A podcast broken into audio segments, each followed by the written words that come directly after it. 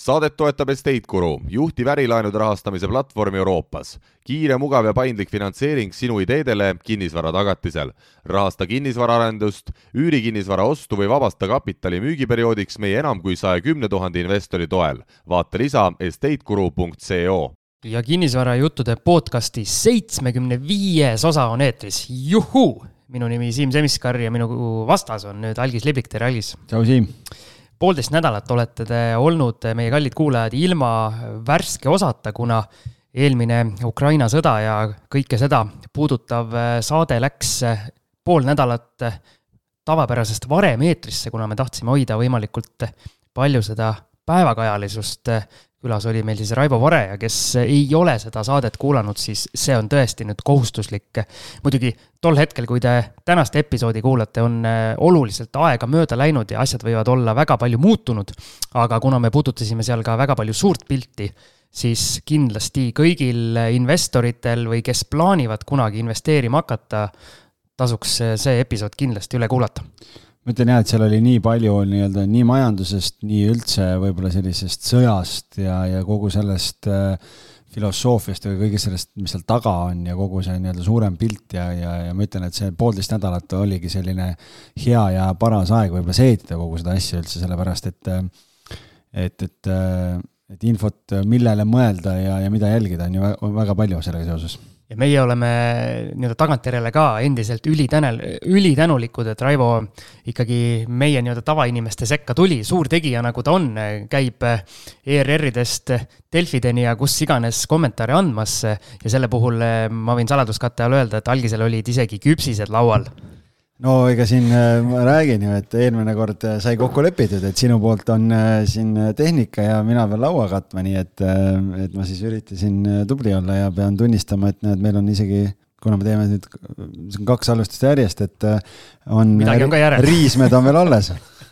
Ja ma siin natuke täiendan selles osas, et minu poolt on tehnika, algise poolt on suupisted ja külalise poolt on tark jutt aga selles Hea osas, selles osas, Algis, mis nüüd saab? no nüüd meil on jah, täna on kehvasti, et meil on üks osa on puudu. just, ja see on kahjuks see tark jutt. ehk siis külalist meil seekord ei ole, aga põhjus on selles, et äh, meil on tulnud äh, mõningat tagasisidet, et äh, kuna me oleme juba seitsekümmend viis osa teinud, siis täitsa õige aeg on natukene minna tagasi ikkagi sinna juurte juurde või alguse juurde ja puudutada veidi päris, päris, päris algajate teemasid, ehk siis võtamegi täna jutuks, ütleme siis selle, kuidas teha kin-, kinnisvara investeerimisobjekti ostes või otsides seda eeltööd väga palju meie külalised ütlevad välja selle lause, et ma panin numbrid Excelisse ja Excel ei mänginud välja või mängis välja. ja mina sain väga konkreetse kuulaja sellise poolpahase, poolpahase kirja ükskord, et et kurat küll, et mida see tähendab, et Excelis ei tulnud numbrid kokku või mis iganes. ja nüüd me üritamegi seda siis täna lahata. jah, et me mingit Exceli faili jagama ei hakka, eks igalühel kujuneb oma mingi tööriist välja ja, ja Siimul on oma mingi Excel ja minul on mingi oma Excel ja me siis ja vaatame kõik... sinna sisse ja arutame, mis meil seal on ja mida me jälgime. ja meist veel vanematel inimestel on isegi eh, see nii-öelda salvrätiku nurk, kus neid arvutusi tehakse. ja, või perfo need kaardid, need pruunid ei, seda aega ei mäleta keegi enam.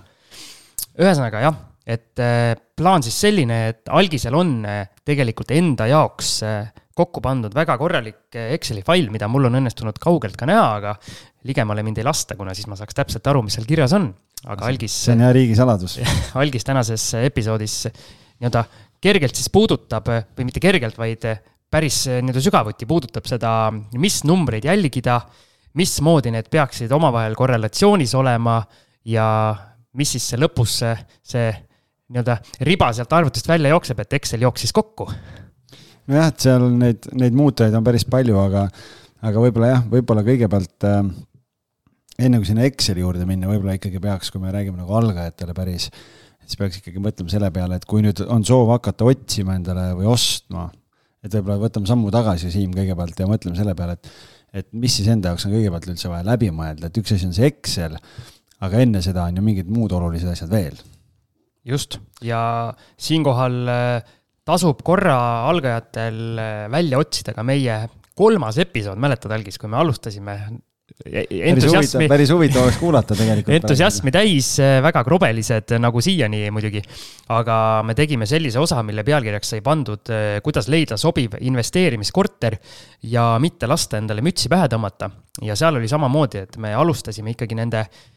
algis oli seal kirja pannud kuus põhipunkti, et kuidas enda jaoks asjad läbi mõelda üldse enne, kui midagi vaatama lähed ja siis seal saates me hästi palju keskendusime sellele, et mida seal kohapeal vaadates teha ja kuidas maakleri käest või siis omaniku käest äh, kogu informatsioon kätte saada ja kuidas sellega talitada. aga, aga ma arvan jah, et käime siis läbi äh, selle eeltöö, mis üldse enne igasuguste numbrite Excelisse panemist tuleks enda jaoks läbi mõelda ja number üks punkt oli, kui palju sul on raha tegelikult enne seda on üks punkt veel. no nii, null punkt. kui me tuleme, jah, null punkt jah, kui me tuleme eelmise saate juurde tagasi, kõigepealt on enda jaoks vaja välja mõelda, kas sa julged praegu investeerida või ei julge. jah, või siis küsimus võiks olla, et äh, miks investeerida kinnisvarasse. ja see oli number kaks saade just, et noh, et selle saate võiks ka ära kuulata, aga, aga noh, jah, et võib-olla selles, ma mõtlen just selles nii-öelda sõjavalguses, et kuna eelmises saates ma põgusalt ka mainisin, et on mingid investorid, kes nii-öelda äh, ootele jäänud, ähm, ühed on siis selles, sellel põhjusel, et ütlevad, et üüri või turg on nii eest ära läinud müügi mõistes, hinnad, et äh, tootlus ei tule enam järgi. ja Excel ei mängi välja. Excel ei mängi välja ja teine osa on need, kes tegelikult raha ootab paigutamist ja ütlevad, et äh, tegelikult tahaks ruttu ära panna, aga vaatame, mis see Venemaa seal teeb, et jälgime paar kuud et noh, mina eelmisest saatest võtsin kaasa selle, et Raivo ütles, et tuleb,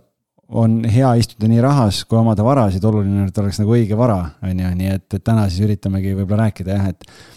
et eks see õige vara nii-öelda asukoha mõistes jääb igaühe enda, enda otsustada, et kui keegi on Tartus, siis me ei saa öelda, et õige koht on Tallinn või, või vastupidi, et et, et see jääb nagu igaühe enda liivakastiks eh, otsustada, aga me siis vaatame ja üritame jah, et mis need, käime need lühidalt läbi need punktid, mis me eelmine aasta korra arutasime, et äh, mis see taustatöö on ja siis, kui on sobivad objektid leidnud, võib-olla külastamas käinud, et siis mida sinna Excelisse peaks nagu kirja panema või vaatama, et mis sealt kokku peaks tulema? ühesõnaga, su pika jutu põhimõte on see, et me alustame lähtekohast, kus inimene on otsustanud, et tema jaoks on kinnisvarasse investeerimine äh, õige asi. ka nagu praegusel ajal, ka praegusel ajal. aga miks äh,, miks sa tood selle praeguse aja, võib-olla inimene leiab meie saate üles kahe aasta pärast, kui maailm on täis äh, lillesid ja liblikaid ja õhupallid lendavad. no Excel on ikka sama ju selles mõttes. Excel ei muutu kunagi. Excel ei muutu, muutuvad numbrid seal sees, on ju. ja, ja, ja noh, mis saavad muutuda selle kahe aastaga, saab muutuda mingid hinnad Äh, ei, ma mõtlengi selles mõttes, et just see nii-öelda poliitiline. sõjalisest olukorrast pol,. jah, poliitiline ja sõjaline olukord võib, võib olla hoopis teistsugune või me kindlasti loodame, et ongi teistsugune ja inimene seetõttu on, on julgelt otsustanud, et, et ta investeerib esiteks ja, ja teiseks, et ta investeerib just kinnisvarasse ja kolmandaks, et ta investeerib kinnisvarasse siinsamas Eestis. noh, ja ütleme nii, et jah, tegelikult ega Raivo Vare ütles selles saates ka, et ega kogu aeg on, neid olukordi on ju maailmas varem ka olnud ja ega siis äh, ega see investeerimine või kinnisvara omamine kui selline kuskil ei kao ju, et, et selles mõttes on, on sul õigus jah, et äh, vahet ei ole, millal inimeste kuulab, meie teeme seda saadet selle mõttega, et, äh, et kui sina täna oled valmis otsustanud, et sa tahad investeerida, siis mida sa peaksid nagu täpselt tegema? mul on siinkohal sulle küsimus, kas see Excel, mis sinul on, kas see kehtib ainult nii-öelda Eestis äh, ja kas kinnisvara on selline investeering, et kui sa oled kuskil mujal riigis näiteks, kus on näiteks erinevad maksumäärad, erinevad mingid kinnisvara äh, omamisega kaasnevad lisamaksud või äh, mis iganes koormised, et siis peab oma Exceli ümber vaatama noh, selles mõttes kindlasti peab ümber vaatama, et igas riigis on tõesti omad nüansid, lihtsalt eh, võib-olla tuleb mõni rida ära kustutada või mõni rida juurde panna ja, ja kui ise ei oska, siis lihtsalt oleks hea võib-olla, kui on mõni sõber, kes oskab Excelit just selles plaanis, et kui sul on selline põhjalikum Excel ja kui kuskilt mõne rea ära kustutad, et, et sul seal mingid äh, errorid sisse ei jookse, et äh, muus osas ega matemaatika on äh, riigiülene, nii et selles osas ma arvan, ei ole väga suurt erinevust kuidas vanasti investeeriti, kui, kui programmi nimega Excel ei eh, olnud üldse olemas? siis oli taskuarvuti, kalkulaator oli ja ma arvan, et eh, nagu me ütlesime, et siin salvaka nurk ja. paber ja pliiats. okay.. siis olid kaustikud. aga kas hakkame nüüd minema? hakkame. üks, kui palju sul raha on? miks see, miks see on oluline? alati võiks rohkem olla. aitäh küsimast miks see on oluline küsimus, mida investor enda käest peab küsima? Ma arvan, et see on selles plaanis ju vaja nagu selgeks saada, et ega siin võib ka olla iga investori lähtekoht ju erinev, et küsimus on selles, et, et ähm, kas sa oled mingi päranduseks saanud mingi summa, mis on vaja ära paigutada või sa oled pensionirahad välja võtnud ja sa tahad äh, paigutada või sa oled kogunud raha, et kas sa ostad laen, äh, laenuga, äh, et kui palju see omafinantseeringu osa on. Ja ja, ja see raha suurus ju määrab ära selle, et millist põldu sa kündma hakkad, et enne kui sa lähed mingeid kortereid vaatama, tuleks endale selgeks teha, et, et kui palju sa pangast laenu saad või, või kui sa ostad ainult oma rahadega, noh et siis, et sa tead, et sa ei raiska niisama aega, vaid et sul on ikkagi nagu läbimõeldult, otsid enda, enda eelarve piirides kõige paremat võimalikku objekti kuigi see küsimus oli üsna konkreetne, et kui palju sul raha on, siis me siin mõtleme ikkagi nii-öelda laiemat pinda, et esiteks, kui palju, kui palju sul on omafinantseeringut, kui palju sul on laenuvõimekust ja, ja nii edasi. just, et, et kas noh, seda me ju ei tea, kas keegi kavatseb osta laenuga või mitte, aga noh, see tuleb enda jaoks nagu ju läbi mõelda, et kui sul on, tahad tahad, äh, mis ma ei tea, sul on äh, nelikümmend tuhat eurot, noh ja me teame täna, et ma ei tea, noh, pank uuele investorile reeglina tegelikult ju ei taha võib-olla laenu anda, kui ta just kodulaenuga ei osta või noh, tähendab, eraisikuna sa saad ka osta, aga ettevõttele see uue, uus äh,, uus nii-öelda alustaja päris nagu reeglina osta ei saa. et noh, see kõik määrab ju ära äh, selle, et milline on see intress ja, ja kõik need asjad, et, et see on nagu selline tervikpilt, et äh, et enda jaoks tuleb selgeks teha, et kas ma, kas ma saan laenuraha ja kui ma saan, siis kui palju ma saan. et see ju, see paneb selle lati ette. number kaks on siis see tootluse ootus, et kui suurt äh, tootlust sa soovid. sina töötad algis äh, igapäevaselt investoritena, mis hetkel äh, on investorite selline ligikaudne tootluse ootus kinnisvaras? kuna mina töötan selliste investoritega reeglina, kellel on ähm, juba üsna suured portfellid või, või on võib-olla raha rohkem kui sellisel alustaval investoril, siis nende selline äh, tootluse ootus on ka natuke väiksem, sellepärast et nendel on lihtsalt see nii-öelda natuke suurem pilt, et äh, lihtsalt äh, kui raha kontol seisab, siis inflatsioon teeb sellega oma töö ja nemad tahavad selle raha ära paigutada ja reeglina see tootlus jääb sinna viie kuni seitsme protsendi vahele, noh, täna seitset Tallinnas saada juba ei ole väga lihtne et, et ütleme niisugune viis kuni kuus protsenti, aga kui satub mõni selline investor, kes on nii-öelda ühe korteriga või tahab noh, siis tihtipeale need ootused on nagu kõrgemad, aga, aga täna ei ole neid ootusi teps mitte nagu lihtne täita üldse. mis on see number äh, sinu senises äh, nii-öelda kinnisvara kogemuses, et tuleb üks investor sinu jutule, mis on need kõige äkilisemad ootused, äh, kas tahetakse sellist korralikku nii-öelda krüptoraha tõusu, et eh, teeme aastaga sada protsenti? ei ole õnneks, et inimesed on kahe jalaga maa peal, et sellist, selliseid inimesi ei ole, ma arvan, et need, kes sellist, noh siis sa saad oma, oma kapitali kasvatada võib-olla sada protsenti aastas, kui sa tegeled flip imisega või, või noh, ütleme puhtalt üüriportfelli kasvatades või üürikorterit ostes, see ju ei ole nagu täna võimalik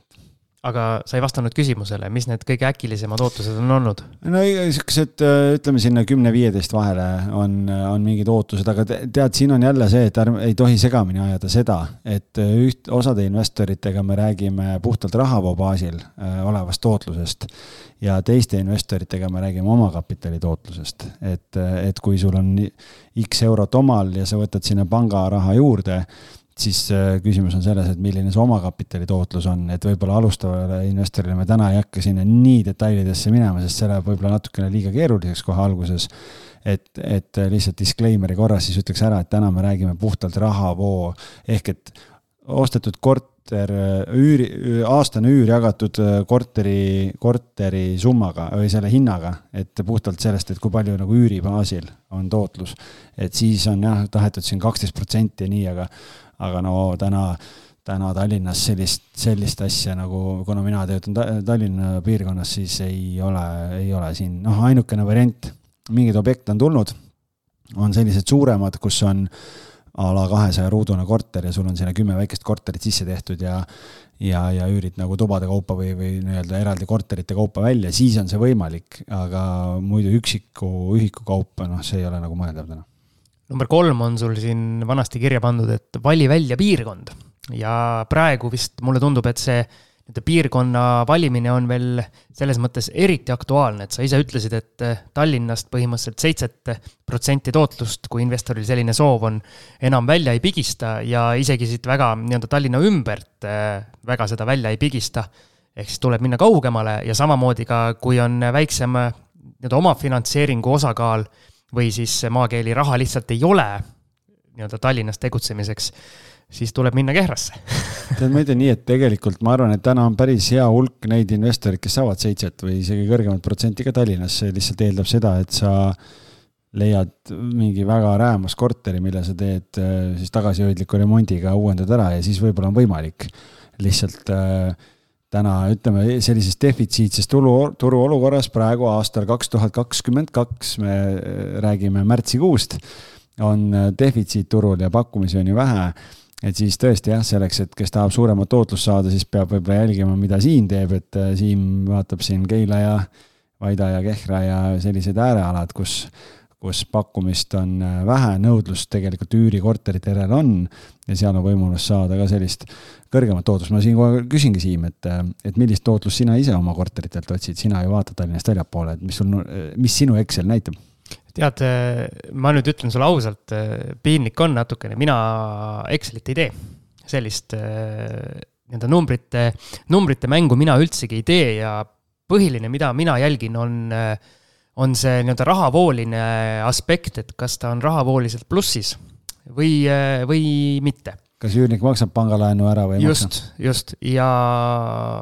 praegusel hetkel noh, minu arvestus on ka ettevõttele võetav ärilaen, minul on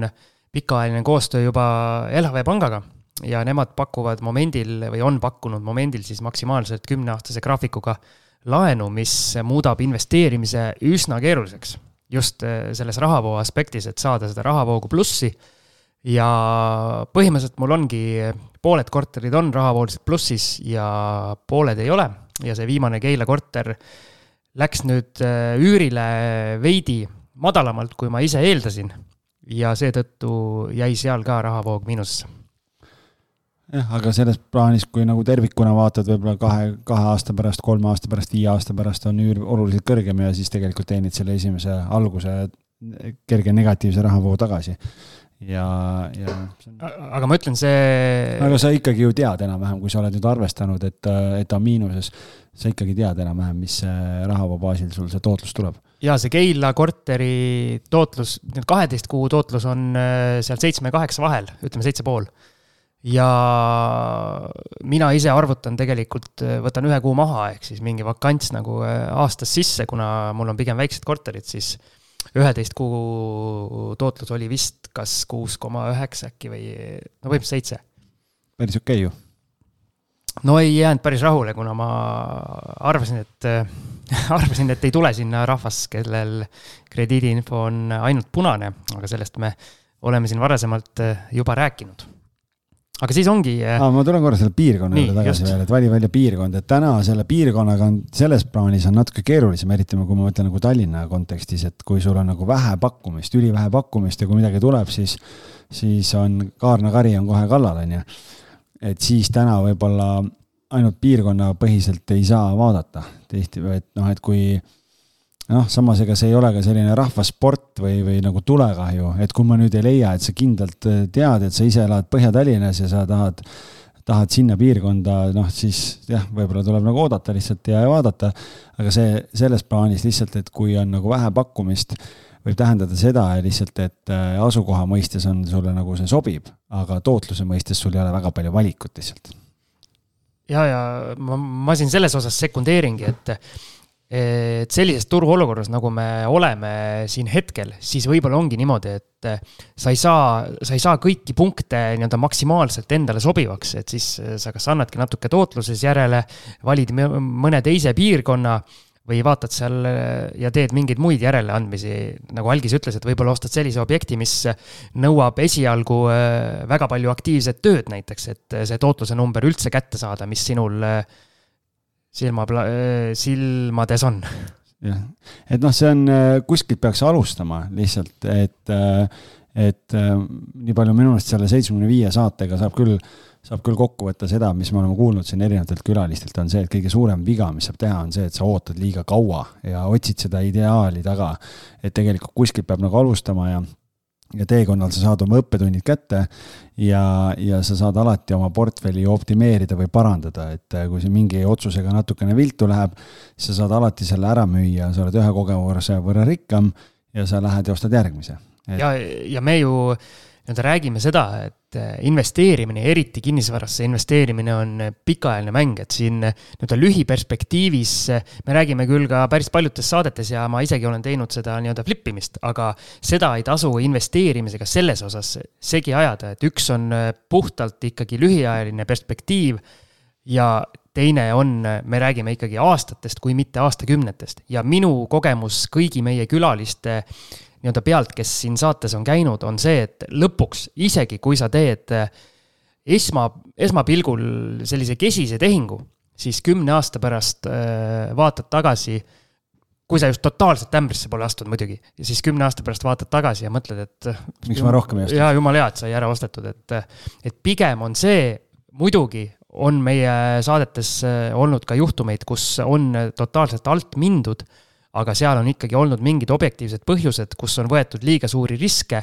ja ei ole, ei ole vist meie saates olnud inimesi, kes oleks konkreetselt rahavooobjektidega nii-öelda kõrbenud. ei meenu küll vähemalt, jah et pigem on olnudki mingid arendused, on haaratud liiga suur amps ja siis hiljem võib-olla need rahavooobjektid ka tänu sellele, et kogu see kaardimajake on kokku kukkunud, on need ka siis nii-öelda allavett läinud jah, no selles mõttes, et selle piirkonna juurde tagasi tulles veel, mul tegelikult meenub, et mingi neli-viis päeva tagasi üks äh, kuulaja kirjutas mulle. mitte eile? see, seekord ei olnud eile, seekord oli varem jah. et äh, kirjutas, ütles, et noh, et ta elab Tallinnast väljas nii-öelda siin ühes teises maakonnas täitsa. ja et tal on seal mingi kaasomandis mingi kinnistu ja, ja siis mingi korter või mingi asi, et ta tahaks need nagu ära müüa ja ja siis plaanib tulla Tallinnasse, et talle tundub, et siin nagu nii-öelda et tahaks osta siia korteri ja, ja et siin nagu seda üüriperspektiivi ja kõike seda on nagu rohkem. aga noh, siis, äh, siis ma küsisin ta käest vastu, et aga oled sa nagu vaadanud ka, et kui palju sa saad seal väikeses piirkonnas nende asjade eest, et kas sul nagu Tallinnas on selle eest täna üldse midagi osta. et ma ütlesingi noh, et, et noh, et, et, et kui sa Siimu vaatad, et siis Siim tegelikult ka ju otsib Tallinna äärealadelt, sellepärast lihtsalt, et valikut võib-olla on rohkem või kõik sinna ei vaata. ja teistpidi on see, et, et kui sul on nagu piiratud eelarve, millega alustada, siis ei maksa võib-olla kohe sealt pisikesest piirkonnast hakata Tallinnasse trügima, sellepärast et, et, et võib-olla saab alguses seal midagi teha ja seda kapitali kasvatada ja siis tulla Tallinnasse, kui üldse on vaja tulla Tallinnasse. ainult sellepärast. ma eeldan, et see konkurentsi nii-öelda küsimus on väga aktuaalne, eriti alustaja jaoks, et nii-öelda väikses tiigis äh, olla väike kala on äh, oluliselt, äh, oluliselt lihtsam kui suures tiigis olla väike no kala. Kristel Tandre ju väga hea näide teinud väikeses piirkonnas väga arvestatava suure. väikestes piirkondades, igal pool. piirkondades jah, et ikkagi väga korraliku portfelli üles ehitanud, nii et ega Tallinn ei ole ainukene koht kuigi jah, meil on üks ühine, ühine sõber, kelle arvates äh, Eesti kinnisvaraturg lõpeb koos Tallinna sildiga, võib-olla isegi äh, veidi kesklinnale ligemal, et äh, tegelikult see ei ole tõsi. okei okay,, no siis räägime Tallinnast ainult. nii, ja siis, kui piirkond on olemas, siis tegelikult peaks nagu selle ka välja mõtlema, et millist korterit, milliseid kortereid sa üldse vaatama peaksid hakkama et ähm, noh, Siim enne siin põgusalt mainis ka, et äh, Keilasse võttis korteri ja, ja väiksem korter ja nii-öelda odavama otsa korter ja on selle vakantsiga arvestanud sinna, et, äh, et eks raha paneb selles osas ka piirid ette, et äh, kas sa saad osta ühetoalise, kahetoalise, kolme-nelja-viiese, et noh, see kõik on, on, määrab ära ka selle, et, et milline see rahakott peab olema. ja igal äh, nii-öelda korteril või korteriliigil siis on äh, ikkagi teatavad nüansid, et äh, pole ju saladus see, et need väiksed ühikud on tootluse mõttes reeglina, siis on tootluse mõttes paremad, aga samas nendega on rohkem tööd. just selles mõttes, et see vakants on suurem, kui sa ise, noh, algaja ilmselt ise otsib endale üürnikku ja tegeleb tegeleb temaga, et siis äh, on endal rohkem tööd, see üürnike kvaliteet on kindlasti madalam, ei pruugi olla, aga kui me võtame ikkagi keskmise, siis, äh, siis on see kindlasti madalam, maakler Algis saab siin pead noogutada. noogutan. nii, ja siis ongi see, et nagu sa ütlesid, raha paneb ka asjad paika, et tõenäoliselt äh, alustav investor ikkagi äh, väga palju ei saa kaugemale vaadata nendest ühetoalistest, kahetoalistest, kui just tõesti see algkapital, mis on kogutud, ei ole juba nii suur, et tahabki alustada mõnest perekorterist. ehk siis, kus siis äh, on hoopis teised nüansid. ja, ja selle, selle korteri suurusega on ka tegelikult jälle see, et noh, ikka siin tuleb ka endale selgeks mõelda, et et jälle, et kas sa kavatsed ise seal korteris mingit remonti teha nagu Siim, et tõsta selle korteri väärtust enne kui sa üürile annad või, või otsid sa valmis asja, et noh, seal võib olla see variant lihtsalt, et, et see kvaliteetne ühene on parem tootluse mõistes kui kehv kahene. et, et kui ise remonti ei oska, ei taha, ei ole aega, ei viitsi teha, et siis äh, selle peale võiks ka mõelda. ja, ja, ja kindlasti on see nii-öelda ühetoaliste turg ja ka sellise nii-öelda tavalise keskmise kahetoalise turg äh, on päris aktiivne ja on, on ka maapiirkondades, et äh, noh, nii palju, kui mina olen vaadanud Tallinnast välja, siis äh, nagu me siin oleme rääkinud ka ikkagi, ikkagi mingites kohtades see pakkumine on väga väike, nõudlus on täitsa olemas. loomulikult ei ole sul niimoodi nagu mõne Tallinna korteriga, et paned kuulutuse ülesse, siis sul tahab nelikümmend inimest vaatama tulla või nagu USA-s seal maja müües ma ei tea, kes selle video pani, kus kogu neighborhood oli rahvast lihtsalt nii, nii paksult täis, algis rahulolevalt äh, näitab näpuga enda peale. mees tegi midagi kasulikku. ja et see on noh, ütleme, et see, sellist olukorda muidugi oleks päris huvitav näha meil siin, et paned jah, mingi korteri või maja müüki ja siis on mingi terve linnaosa jookseb kokku, on ju, sellepärast et midagi pakkumises ei ole ja aga. aga minu point on see, et kui sul on ka nelikümmend huvilist korterile sa saad ikka ainult ühe üürilise võtta. see, et sul on Tallinnas võib-olla nelikümmend mõnel korteril, aga seal väikses kohas tuleb neli-viis, aga sa leiad ikkagi korraliku üürniku endale, et äh, sellel ei ole mingit vahet lõppkokkuvõttes. kvaliteet loeb ikka jah, et Just. see on oluline. ja siis meil on siis äh, number viis punkt, et tee kinnisvaraportaalides põhjalik kodutöö ja siin mina nüüd äh, kolmandas saates ma seda veel öelda ei saanud, aga mina nüüd ütlen siia sellise asja, et kui sa oled enda jaoks eh, nii-öelda piirkonna välja, välja valinud või piirkonnad ja hakkad seda nii-öelda kodutööd tegema, et mis eh, parasjagu kuskil piirkonnas on saadaval, siis eh, kindlasti scroll'i läbi kõik kinnisvarajuttude podcast'i senised seitsekümmend viis osa, vaata, kus meie külalised on tegutsenud, kuula see konkreetne osa läbi. Ja kui oled eriti julge, siis võib-olla kirjuta äh, sellele külalisele otsida ülesse ja kui sul tekib selle piirkonna kohta või sellest eh, konkreetsest turust arusaamise kohta mingeid küsimusi, siis, eh, siis proovi, proovi julgelt küsida. ja, ja tegelikult ega lisaks kinnisvaraportaalidele ju Siim on ka vastavates eh, Facebooki gruppides sees ja, ja vaatab seal, et kui suur see nõudlus on seal, kui palju otsitakse üürikorterid ja kõik seda poolt, et natukene tunnetada ja aimu saada, mis seal toimub, kui see sinu enda nii-öelda kodukoht ei ole või piirkond, mida sa ei tunne just, nii. see kodutöö on tehtud, piirkond on teada, enam-vähem tead, mis hinnad, kui palju üüri saab küsida, mis üldse toimub ja siis kuues samm on meil, et vali välja viis kuni kümme korterit. ma ei tea, kas mõnes piirkonnas praegu, kui on eh, kohustus valida viis korterit, siis jääbki investeerimata noh, siis on võib-olla jah, et aga noh, ma lihtsalt huvi pärast vaatan, näiteks kui sa hakkad ühetoalist korterit otsima endale investeerimiseks, paned Tallinna on ju ja, ja paned äh, KV-sse sisse, et äh, otsin ühetoalist korterit, siis täna on kolmsada kuusteist korterit müügis Tallinnas ühetoalist, seal on kindlasti väga suur äh, hulk, on uusarenduste kortereid, aga see kolmsada kuusteist, ma arvan, Tallinna kontekstis näitab, et noh, valikut tegelikult on. Ja lihtsalt küsimus on selles, et kas sinu rahakotile vastavas suurusjärgus on. nii, aga võta äh, mõni väiksem koht, võta näiteks Kehra, palju on ühetoalisi korterid, ma tean, et üks on seal müügil ja huvitav, kes müüb? sa tahad, tahad seda? kuulake meie ühte boonusosa, mis ma ei tea nüüd, kas praegusel hetkel, kui teie seda kuulate, on juba väljas või ei ole, vist veel ei ole, aga varsti tuleb minu selle Kehra mugavusflipi saaga ja see mugavusflipi korter on müügis, aga mina seda enam ei müü. nii, mis äh, omavalitsus seal on? Anija vald. Anija vald. see on kohe näha, et mees, mees Tallinna piirist no, edasi ei sõida. nii Kihra, no ma, võtame lihtsalt Anija vald, ma sellepärast mõtlesin, et äh, ongi, on kuus korterit mm, -hmm. aga Anija vald, ahah, siin on äh, Kihra linnas on, on äh, üks äh, uus maja, siin tundub,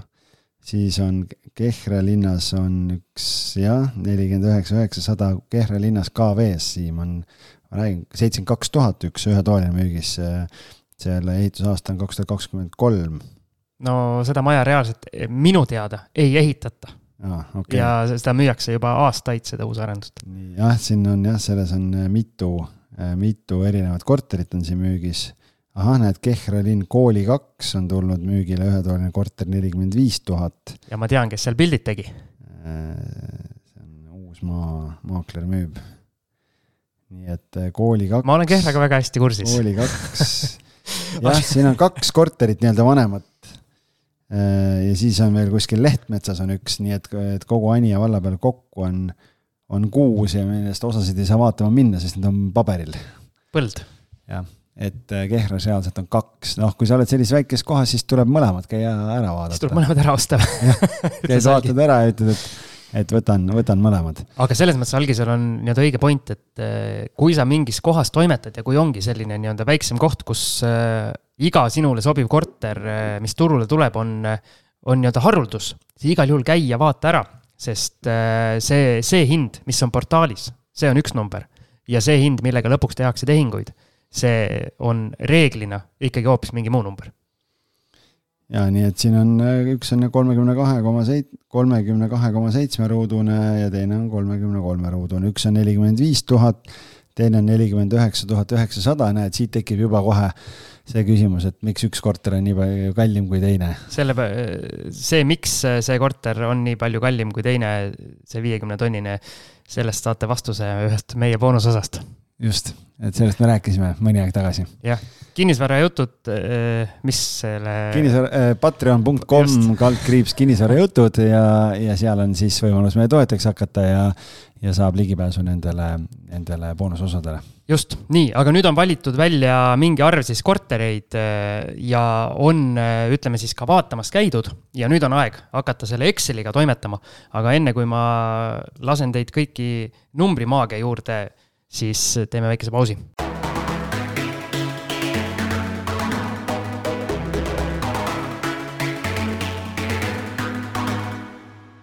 nii, algisel on küpsised söödud, laud on äh, endiselt lookas veel. põsed on veel ümmargusemad kui enne. Rõõm tõdeda. aga nii, algis, räägi, nüüd hakkab sinu soolo, et äh, mul on käinud, käidud vaatamas Kehras need mõlemad korterid, mis praegu KV-s üleval on, viiskümmend tuhat ja nelikümmend viis tuhat. on selge see, et seda nii-öelda viiekümne tonnist korterit saaks alla tingida, näiteks ka kuskile sinna neljakümne viie tuhande juurde, nii mis ma nüüd selle teadmisega peale hakkan, mul on kaks valikut, mõlemad nelikümmend viis tuhat ja kuidas ma hakkan vaatama, et kas Excel jookseb kokku? Noh, tegelikult on, on see, et äh, ma ütlen, et ähm, see sõltub jälle, kui keeruliseks keegi oma Exceli tahab ajada. Äh, minul see Excel, mis on konkreetselt, ma osade klientidega samamoodi tegelikult Excelit ei kasuta, vaid on selline lihtne, lihtne email, mida me omavahel põrgatame, seal on äh, ostuhind, seal on siis kas renoveerimine, sisustus, mingid erinevad read, need paneme sinna kirja, siis on üür kuus, üür aastas, noh siis kuna valdavalt need investorid on ka meie halduskliendid, siis on haldustasu igakuiselt, selle arvestame maha siis sellest aasta üürist ja siis tekib äh, nii-öelda aastase nii-öelda netoüür, kui palju omanikule jääb selle peale selle haldustasu maha arvamist. ja siis me jagame selle nii-öelda kogu investeeritud summaga läbi, ehk et siis äh, äh ostukulu, sisustus, remont äh, ja, ja jagame läbi, et selle mingite klientide puhul me ei arvesta riigilõivu ja notaritasu sinna, sellepärast et nad ütlevad, ah, et see on niisugune mõned sajad eurod, et noh, et see suures plaanis tegelikult kümne aasta perspektiivis ei ole nagu nii, nii oluline ja määrav Äh, ja kuna, kui ei kasutata veel, kui ei kasutata ka laenuraha, siis ei ole ka laenulepingu tasu, et, et neid ei ole. aga kui me nüüd vaatame Excelisse konkreetselt, siis mul see Excel on jaotatud tegelikult erinevatesse osadesse. Et ma räägin lihtsalt ära kõigepealt, mis need komponendid on, millest ta koosneb ja siis saame võib-olla ükshaaval hakata sealt läbi käima, et kõigepealt on siis nii-öelda objekti ostuga seotud kulud on, on esimene osa, mis on nii-öelda ühekordsed kulud siis, mida sa teed siis, kui sa ostad. siis on lihtsalt korteri taustainfo, et kui suur see on ja, ja seal siis on eraldi nii-öelda, nii-öelda aasta lõikes kulude read, siis on laenuga seotud eraldi kulud, siis on üüriinfo et kui palju on, äh, siin on erinevad osad. Siis on, ja siis on nii-öelda kokkuvõttev osa, kus on sisse tulevad rahavood kokku, äh, välja minevad kulud ja siis sealt tekib lõpuks see arvutus, et kui palju on nii-öelda puhtalt üüri baasil tootlus ja kui palju on siis nii-öelda omakapitali tootlus, see rida on veel nagu eraldi eraldi välja toodud, et äh, aga kui me räägime jah, objektiga seonduvatest kuludest, siis, siis nii-öelda lühidalt sai juba mainitud, aga kõigepealt on siis loomulikult objekt ise, kui palju maksab, kui palju on remonti vaja teha, selle sa, selguse sa saad ju enam-vähem siis, kui sa kohapeal ära käid. kui ise ei oska äh, või plaanid teha remonti, siis mõistlik on võtta see ehitusmees kaasa, kes sul tegema hakkab, et ta saaks sulle teha mingi konkreetse pakkumise siis, kui palju see maksma läheb. ma siinkohal äh, ütlen välja selle kuldse tõe, et äh, renoveerimine läheb alati kallimaks ja kestab alati kauem kui eelnevalt planeeritud. no vot, et kui arvestad siin vakantsi, et arvestada rahavoogu üheteist kuuga, et siis peaks tegelikult äh, seda remondiaega ka koefitsiendiga arvutama. ja siis on riigilõiv siis on notaritasu, selle kohta, need, selle info sa saad tegelikult kätte, kui sa paned Google'isse notaritasude kalkulaator ja paned sinna ostetava objekti summa sisse ja siis tegelikult näitab sulle ära, kui palju riigilõiv ja notaritasu on, lihtsalt notaritasu ja ka kahega, sest see läheb ostja ja müüja vahel pooleks. ma siin ütlen eh, enda arvates vähemalt ühe väikese kavala nipi, ma ei tea, kui kaval see reaalsuses on minu meelest on see väga hea, et äh, sinu Excelis ka see notaritasu koht on, sest see paneb natukene mõtlema, seal on tegelikult minu meelest peidetud ressurss, kus äh, mõned sajad eurod äh, enda jaoks võita. kui olla proaktiivne ja pakkuda tehingul sellist varianti, et okei okay,, teeme selle hinna, aga, aga teine pool siis maksab,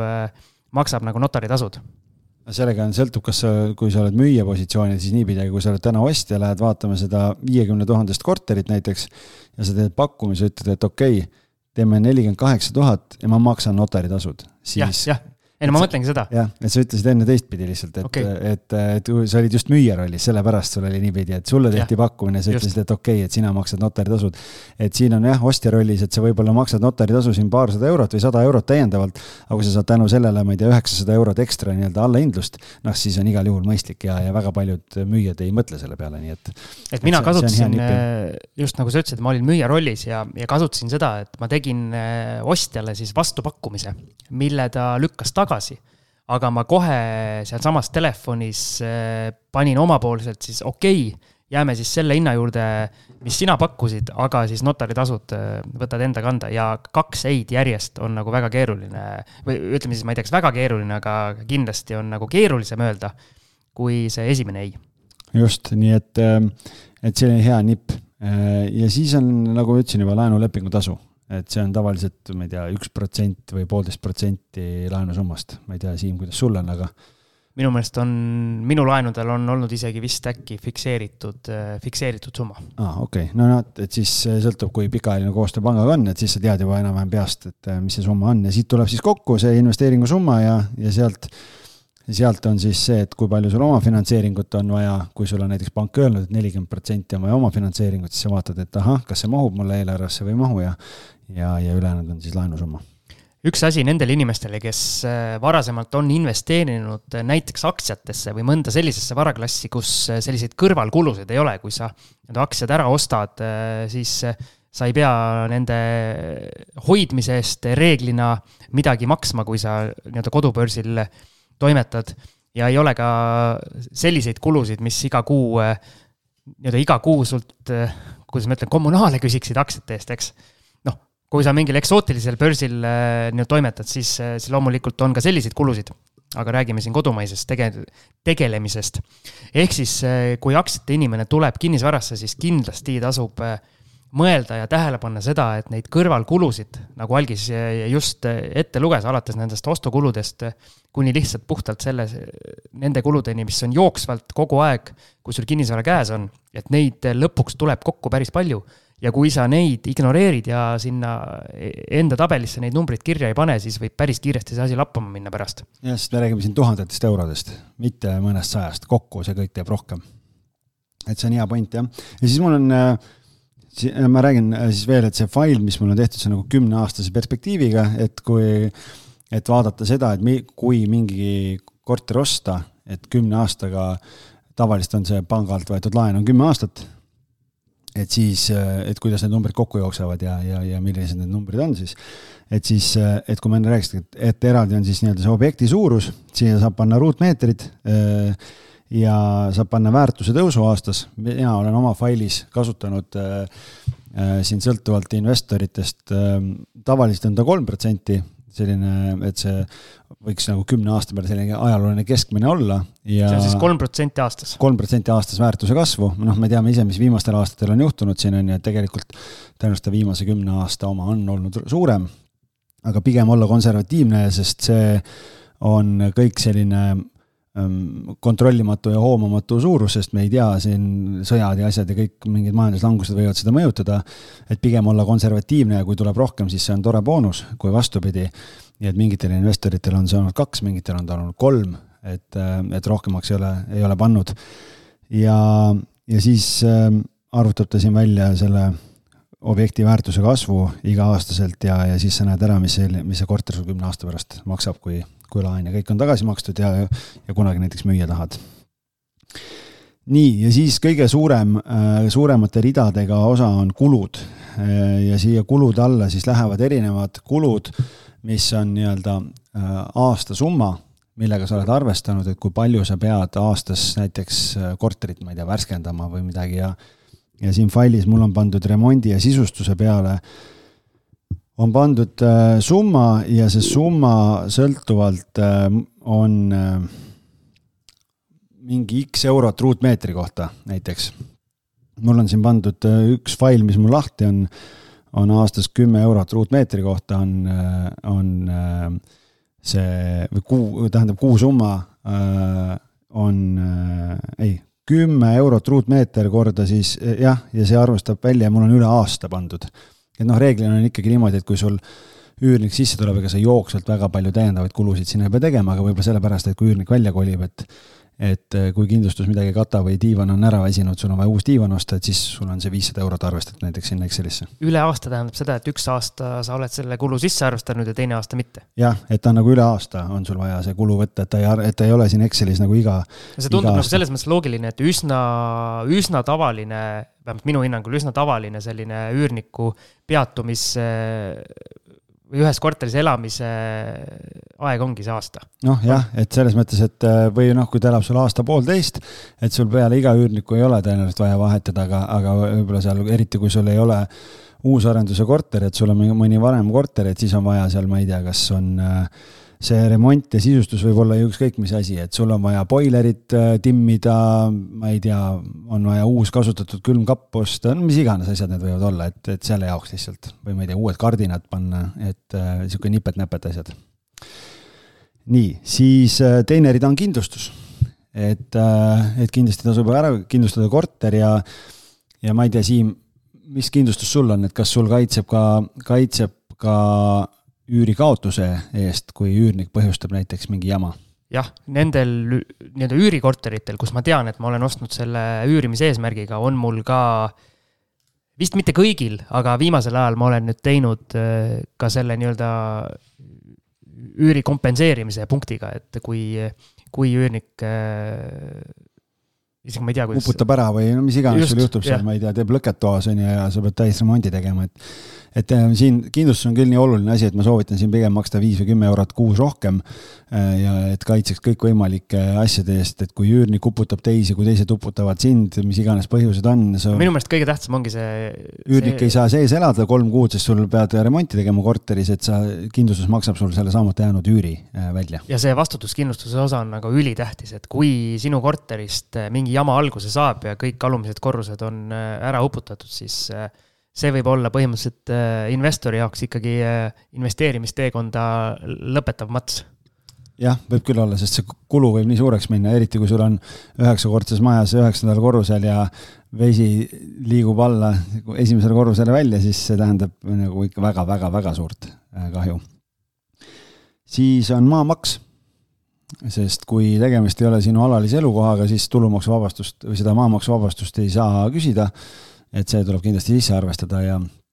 erinevatel omavalitsustel on see informatsioon ka kodulehekülgedel olemas ja kui ei ole, siis saab omavalitsusse kirjutada ja küsida, et kui palju see maamaks on, et sa saad, saad seda arvestada. reeglina need ei ole väga suured summad, aga, aga jällegi väike komponent äh, suures reas. ja minu meelest äh, mingitel omavalitsustel on ka erinevad reeglid, et äh, osade, osade pindade eest isegi ei küsita maamaksu, osad need maksusummad on nii väikesed, et nad ei nõua neid üldse sisse. et jah selle saab eelnevalt teada. Tallinna kontekstis võib siin olla väga suur vahe, et me just ühe investoriga rääkisime, et tal on Tallinnas vanalinnas ostetud sellisesse majja korter, kus äh, korterist on seitsekümmend seitse ruutmeetrit või midagi ja maamaks on üheksa sotti aastas. nojah, mul on äh, vist suurim maamaksuarve on, jääb sinna kahekümne ja kolmekümne euro kanti, mis ma oma korterite eest olen pidanud maksma et Tallinnas on need äh, tsoonid on ju kõik erinevad, et, et väiksemates piirkondades see ei ole üldse võib-olla teemagi. et ma,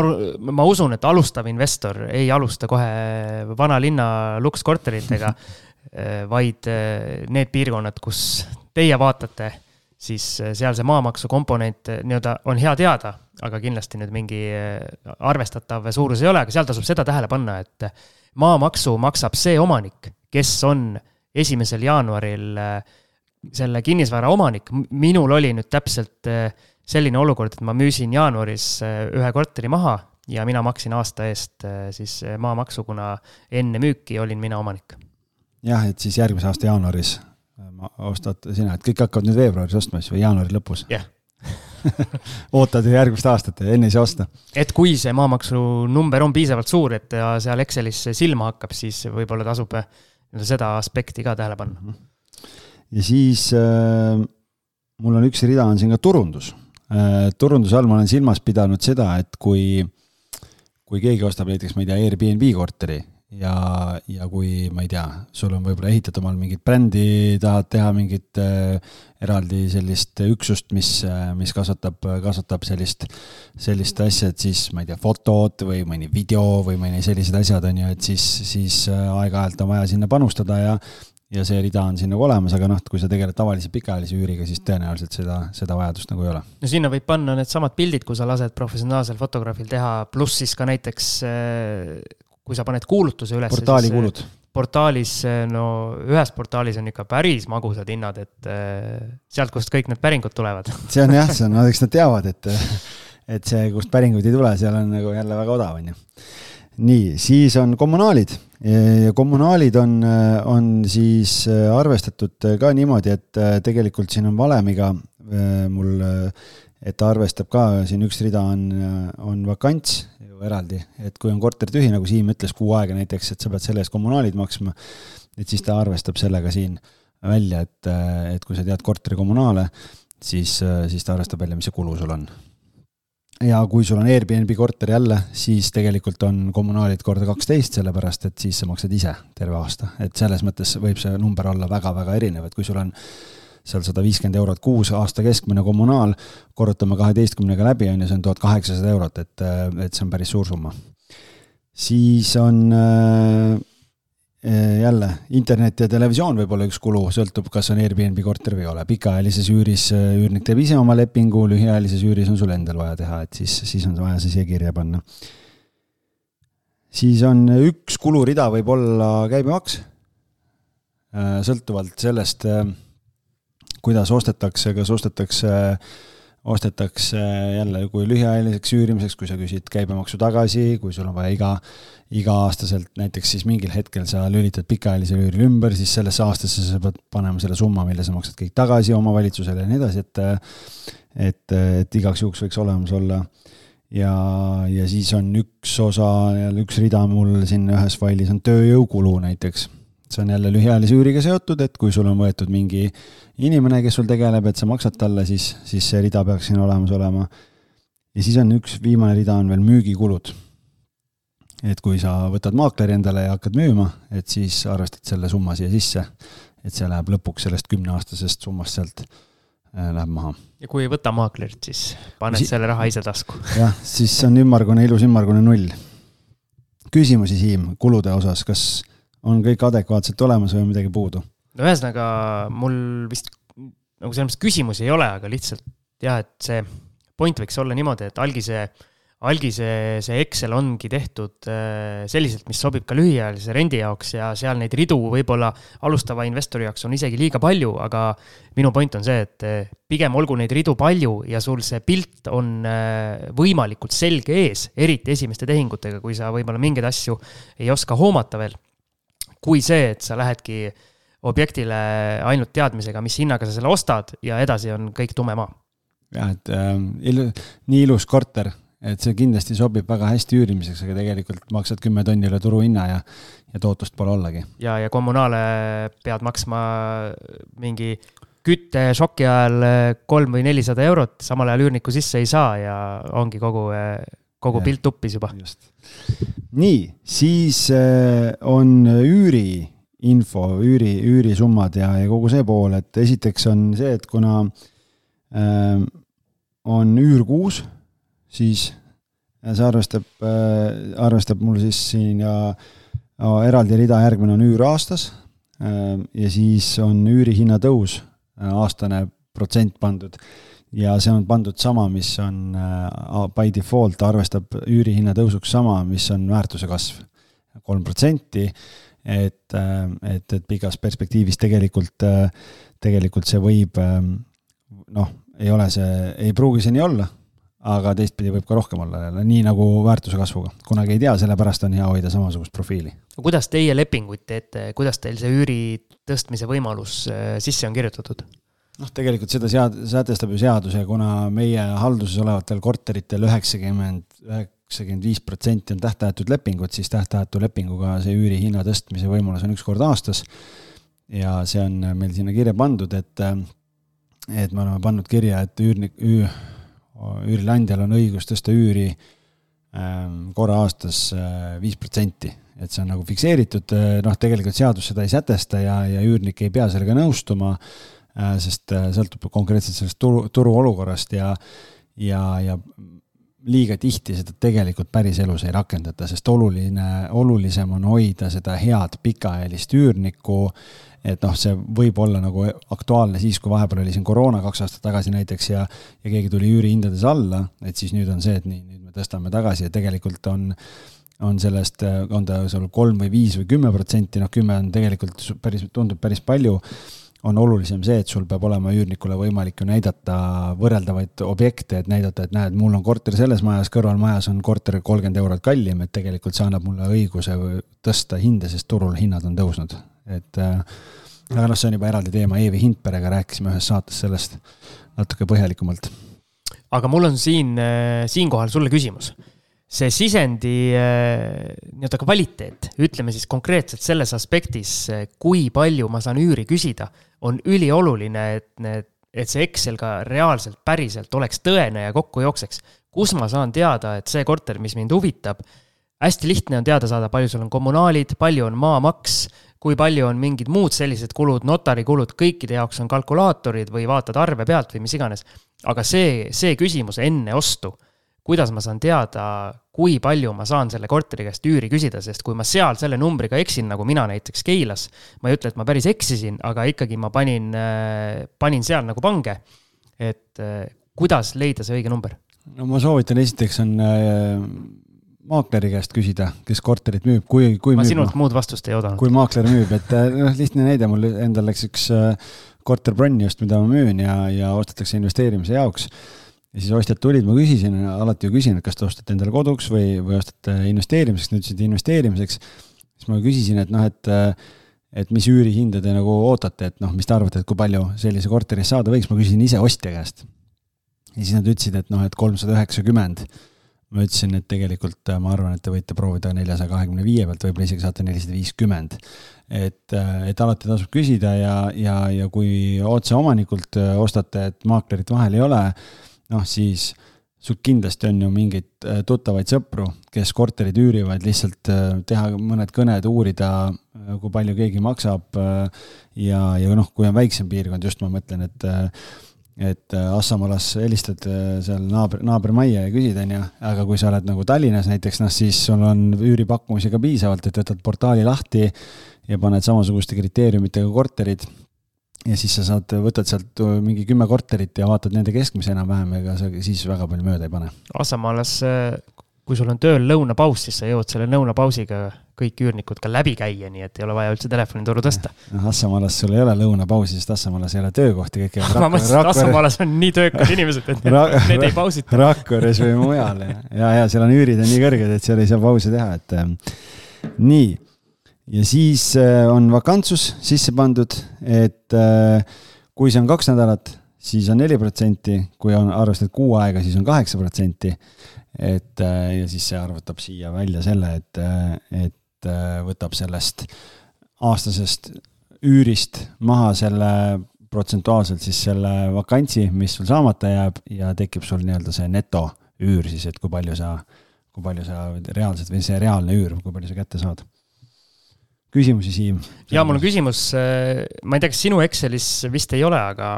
on mingeid variante teenida ka lisatulu, et lisaks üüritulule, ma ei tea, võib-olla mõni, mõni küsib lemmiklooma eest lisaüüri, mõni võib-olla rendib äh, parkimiskohta eraldi, eraldi raha eest välja kellelegi teisele või siis samale üürnikule lihtsalt nii-öelda lisatasu eest, et sinna siis ma saan aru, lähevad kõik, kõik tulud nii-öelda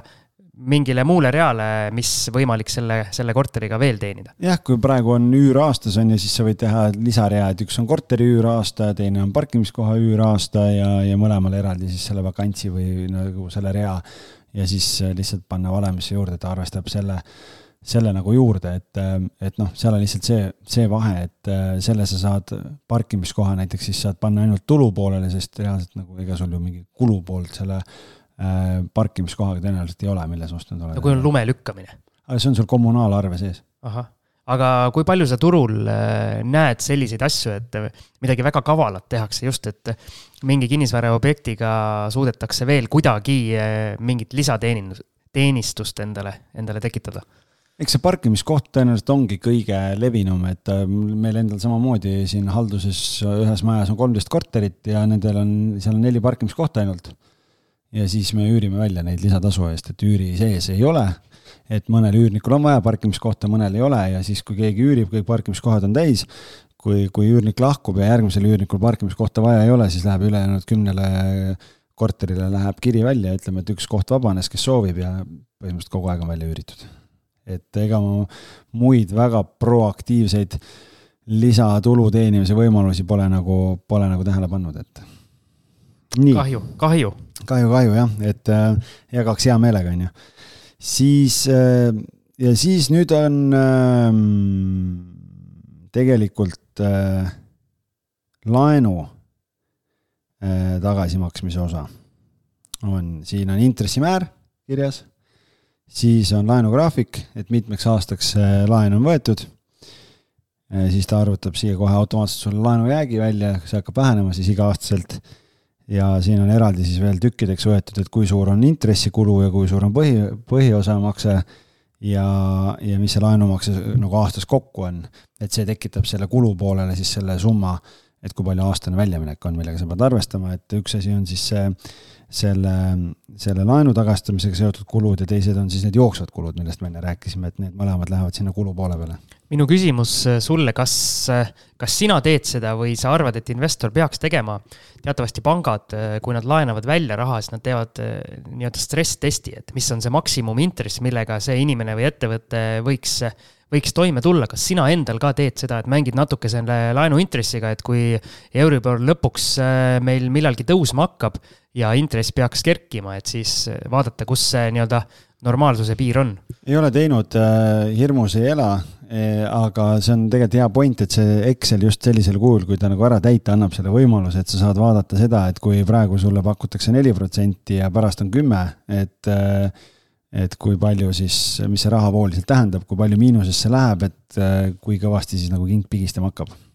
et tegelikult ülihea point, aitäh, et sa selle välja tõid, Siim. no vot, mees hakkas kohe oma Excelit täiendama. ei, ma praegu ei täienda, et noh, et äh, mul on olemas ju siin see, aga, aga et no kuule, kõik head asjad vajavad ka täiendamist. noh, ma täiendan siis sinu pärast. ma teen eraldi Siimu rea siia. Nii, ja siis on, äh, ma ütlesin, et ühel poolel siis summeerib või ühes osas summeerib ära kulude poole, äh, mis aastas, aastane kulud kokku on. ja teiselt poolt summeerib siis siia alla ära sisse tulevad rahavood kokku ja, ja, ja siis äh, sa näed ära, kui palju sul sisse tuleb, kui palju välja läheb, kui palju, mis see ülejääk, puudujääk on ja sealt tekib siis tekib nagu tootlus, lihtsalt kontrollarvutused siia alla, et üks on nii-öelda siis üüri baasil see tootlus, millest me rääkisime nii-öelda lihtsustatud kujul enne, mille sa saad niisama ka ära teha, äh, kui tahad lihtsamal kujul. ja aga, ja siis teine asi on see, et kui on panga, pangafinantseering juurde võetud, arvestab sulle siis inglise keeles on IRR või ROI, kuidas nagu nimetada eesti keeles, siis lihtsalt omakapitali tootlus arvatab välja. aga räägi nüüd eh, päris algajale, mida see omakapitali tootlus tähendab, seda on meie saadetes, eh, seda väljendit päris palju kasutatud, võta üks nüüd eh, mingi reaalne näide ja tee täitsa puust ja punaseks inimesele ette. noh, tegelikult siis peaks hakkama siia Excelisse arvutama, et vaata, võib-olla ega peast niimoodi mingeid näiteid tuua ei ole, et noh, et tegelikult siin peaks hakkama siis muutma mingeid sisendeid ja asju, aga noh, see on, lihtsalt on see, et et kui noh, kui sul on täna sada tuhat eurot ja, või ma ei tea, võtame, sul on, ma ei tea, nelikümmend tuhat eurot. et kui sa, sa ostad ainult neljakümne tuhande eest, noh siis, siis see omakapitali tootlus on suhteliselt madal, sest sa ainult omakapitaliga ostad. aga kui sa võtad sinna laenuraha juurde, pank ütleb, et ma panen kuuskümmend protsenti juurde, ehk kuuskümmend tuhat, siis on sada tuhat on, on kogu ostusumma, siis tegelikult see omakapitali tootlus läheb noh, seal tea, kaks, natuke üle kahe korra kõrgemaks, et, et tegelikult kui me räägimegi sellest, et seal võib-olla mingitel juhtudel on äh, keegi räägib, et tootlus on viis-kuus protsenti nii-öelda üüribaasil, siis tegelikult võib-olla see omakapitali tootlus jääb sinna kümne-viieteist protsendi vahele kuskile, nii et, et see näitabki seda, et tegelikult äh, pangaraha kasutades äh,, nii-öelda võimendades oma investeeringuid on, on võimalus tegelikult see oma raha kasvatada võib-olla kuue-seitsme aastaga kahekordseks versus see, et sa ainult oma rahaga toimetad. ja kui ma olen nüüd nii äge ja vägev investor, et äh, ma teen kõik tehingud ainult teiste rahaga, ise sentigi sisse ei pane, mis siis omakapitali tootlus on? Sky, siis on Excel on erroris, sellepärast et, et see on jah, need on nagu noh, see on ju põhimõtteliselt on lõputu või, või nagu noh, see, kui sul omakapitali polegi alguses, siis, siis äh, kõik, mis sa teenid tänu teiste nagu investori raha kasutamisele on ju nii-öelda puhas, puhas võit kõik eh, sulle endale, nii et, eh, et siis võib-olla alguses, kui esimese tehingu saad niimoodi ära teha, ma ei tea, kellegi FFF-i rahaga, siis sealt tekib mingi omakapital ja siis saad hakata seda selle võrra nagu kiiremini kasvatama. aga siit tuli mul veel üks küsimus, et kas sinna Excelisse on eh, mingis, mingis plaanis mõtet panna ka enda, enda aja hind või kuidagi nagu, saad mu küsimusest aru? On küll jaa, tegelikult noh, kui sa praegu mõtled, siis äh, praegu selle, selle Exceli puhul, kuna mul on Airbnb korteri Excel, Excel on Excel. praegu, Excel on jah, Exceldasime kõik siin ära, siis tegelikult. Äh, sul on see rida olemas, aga teise nimega, eks? Äh, et on, on ta tegelikult mul olemas siin osades failides, praegu siin ei ole, sest see oli meie enda korteri jaoks tehtud ja aga muidu on olemas see haldustasu eraldi protsendina, see rida seal sees kus ta arvestab siis selle sealt puhtast eh, sellest üüri, üüriosast eh, nii-öelda maha, et praegu meil siin üüriosas oli üürkuus, üüraastas vakantsus ja siis peaks olema see eraldi rida veel, ongi see haldustasu või siis nii-öelda, mul oli see tööjõukulu rida siin eraldi, et sa võid selle panna sinna alla, see on oma, oma tunnid. et, et Siim ütleb, et tal tavaliselt läheb järg ära, on ju, et ei jaksa märkmikusse kirja panna, aga tegelikult kui sa täna võid väga lihtsalt seda arvestada niimoodi, et eh, kui sa käid täna tööl sa panustad sada kuuskümmend tundi kuus ja sa tead, kui palju sa raha saad, siis arvesta välja, kui palju sul ühe tunni hind on. Ja kui sa mingi korteri kätte võtad ja näiteks renoveerid ise, paned need töötunnid, asjad sinna sisse, arvestad selle summa siia, siia kulupoole peale näiteks, või teine variant on see, et arvestad äh, iga-aastaselt mingi X arv tundi, mis sul on vaja arvete väljastamised, kõik asjad, et kui palju see tegelikult nagu äh, on, aga noh, küsimus on, et kas nagu tõstad ühest taskust teise nagu raha, et, et kas seda on vaja või ei ole, et, et mulle tundub see natukene võib-olla nagu, nagu nii-öelda noh. juuksekarva. juuksekarva lõhkeajamine, ma otsin õiget sõna jah ja.. aga minu nii-öelda vaatenurk on jälle asjale, et äh, ideaalmaailmas peaks hea tehingumärk olema see, kui sa oled arvestanud ka oma need töötunnid sinna sisse ja see tehing on ikkagi hea, eks. aga alustaval investoril tõesti jah, kui ütleme si-, sinu nii-öelda alustades, sinu eelis ongi see, et sa saad panustada oma aega, see nii-öelda higikapital, nagu meil käib saatest ka päris palju läbi, et et mina paneks ikkagi sellele mingi, mingi numbri taha ja vaataks, kuidas siis noh, Exceliga, nagu sa ütlesid, saab mängida. et kuidas siis see diil tuleb ja eriti just halduse poolel, sest ühel hetkel, kui su portfell kasvab teatud piiridesse või sul tekivad elus mingid muud väljakutsed ja see korterite puhas haldamine öö, osutub nagu nii-öelda negatiivseks tegevuseks, ehk siis sul ei ole aega või sul ei ole enam tahtmist. ja siis sa hakkad alles neid halduse numbreid sinna sisse panema, siis võib öö, oodata nagu halb üllatus ja tegelikult on see hea point ja see tegelikult on ka mõistlik just sellepärast, et, et sa mingil hetkel näed ära, et okei okay,, mul on täna kaheksa korterit, igakuiselt ma panustan sinna nii palju aega see on reaalselt selline kulu, et tegelikult mul on odavam võtta mingi haldusfirma ja, ja tegelikult luua mingit lisaväärtust või kasvatada oma sissetulekut selle ajaga, mida ma praegu sinna panustan. et lood nagu topelt või noh, nagu lisaväärtuse niipidi hoopis, et selles mõttes on, on point õige muidugi, jah. aga teisalt alustajal nagu mina näiteks väga, väga hea on ikkagi ise nii-öelda näpu ja käega asjas sees olla, sest eh, see õppimis, õppimiskõver on eh, vaja läbi teha, vähemalt mina ise seda tunnen, et mida rohkem teen, seda targemaks saan. Jah, ja üks oluline asi veel tegelikult, miks selle oma kulu võiks sisse panna, on see, et kui sa oled nagu Siim, et sa teed ise remonti, okei okay,, nüüd Siim on ka juba võtnud eh, siin ehitusmehe, kes, kes teeb, et päris kõike ei tee ise enam aga seal on nagu see point, et reeglina kipub nii olema, et mõtled, et ah, ma ei hakka mingit ehitajat võtma, et ma hoian sealt raha kokku, et ma teen ise. aga teistpidi on tegelikult see, et kui sa teed ise, siis sa teed oma põhitöö ja pere ja hobide ja kõige kõrvalt. ja siis võib-olla sellest kahenädalasest, kolmenädalasest remondist saab äh, viis kuud. ja tegelikult sul on nagu nelja kuu üür jääb saamata, siis hakkad vaatama, et noh, et kas on mõtet või ei ole, et see on äh, hea võrdluskoht jälle. no näiteks mina olen äh, nüüd proovinud igat moodi, teinud täiesti ise andnud täiesti välja ja nüüd, nüüd proovin natukene sellist, et ma jätan endale need tööd, mis ma tean, esiteks, mida ma naudin, ja teiseks, mida ma suudan teha piisava kiirusega ja piisavalt hästi. et ma ei kaota selles ajas ja ma ei kaota ka eriti palju selles kvaliteedis, aga on mingid tööd, mis välja andes maksavad päris palju, näiteks see lõppviimistlus ja nii-öelda maalritööd, mis on tegelikult päris kallid. aga ausalt öeldes minu meelest äh, ei ole nii keerulised no väga hea ja eks seal tuleb see vilumus ka, et mida rohkem teed, seda kiiremini läheb, et. kindlasti ma ei tee sama,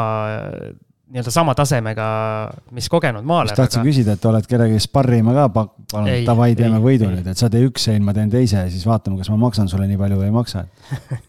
aga ma arvan, seal, kui juba mõnda aega teha, vaata, siis, siis see hinna-kvaliteedi suhe, mille sa muidu kaotaks see ei ole üldse nii hull kui, kui sa nüüd ütled, mina ei ole ise. no mul kuidagi tundub, võib-olla ma panen täiesti pange ja võib-olla kõik, kõik need üürnikud, kes näiteks seda Keila korterit käisid vaatamas, vaatad, vaatasidki seda, et oi issand, kuidas see sein on, sein on tehtud, et ma siia küll ei taha tulla. aga vaata, kui ilus köök. no võib-olla ei olnud ilus no,. ma olen näinud, oli ju. no köök on köök, noh. peaasi, et süüa saab teha nojah, seal enne ei saanud sedagi nii, kas äh, on sul, Siim, Exceli kohta mingeid küsimusi veel? ei, minul on kõik selge, nüüd on vaja minna koju ja hakata Excelit, äh, enda Excelit ehitama.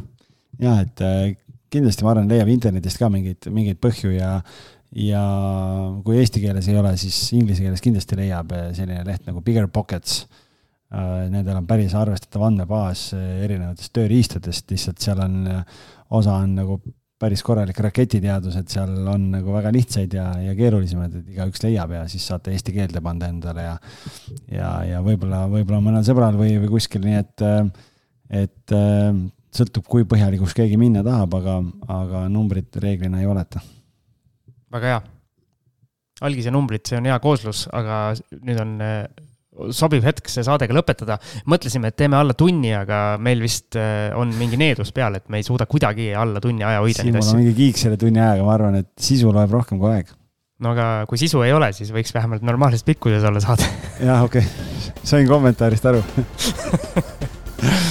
okei aga me siis oleme varsti tagasi ja olge terved. tšau. Saadet toetab Estate Guru, juhtiv ärilaenude rahastamise platvorm Euroopas kiire, mugav ja paindlik finantseering sinu ideedele kinnisvara tagatisel. rahasta kinnisvaraarendust, üürikinnisvara ostu või vabasta kapitali müügiperioodiks meie enam kui saja kümne tuhande investori toel. vaata lisa estateguru.co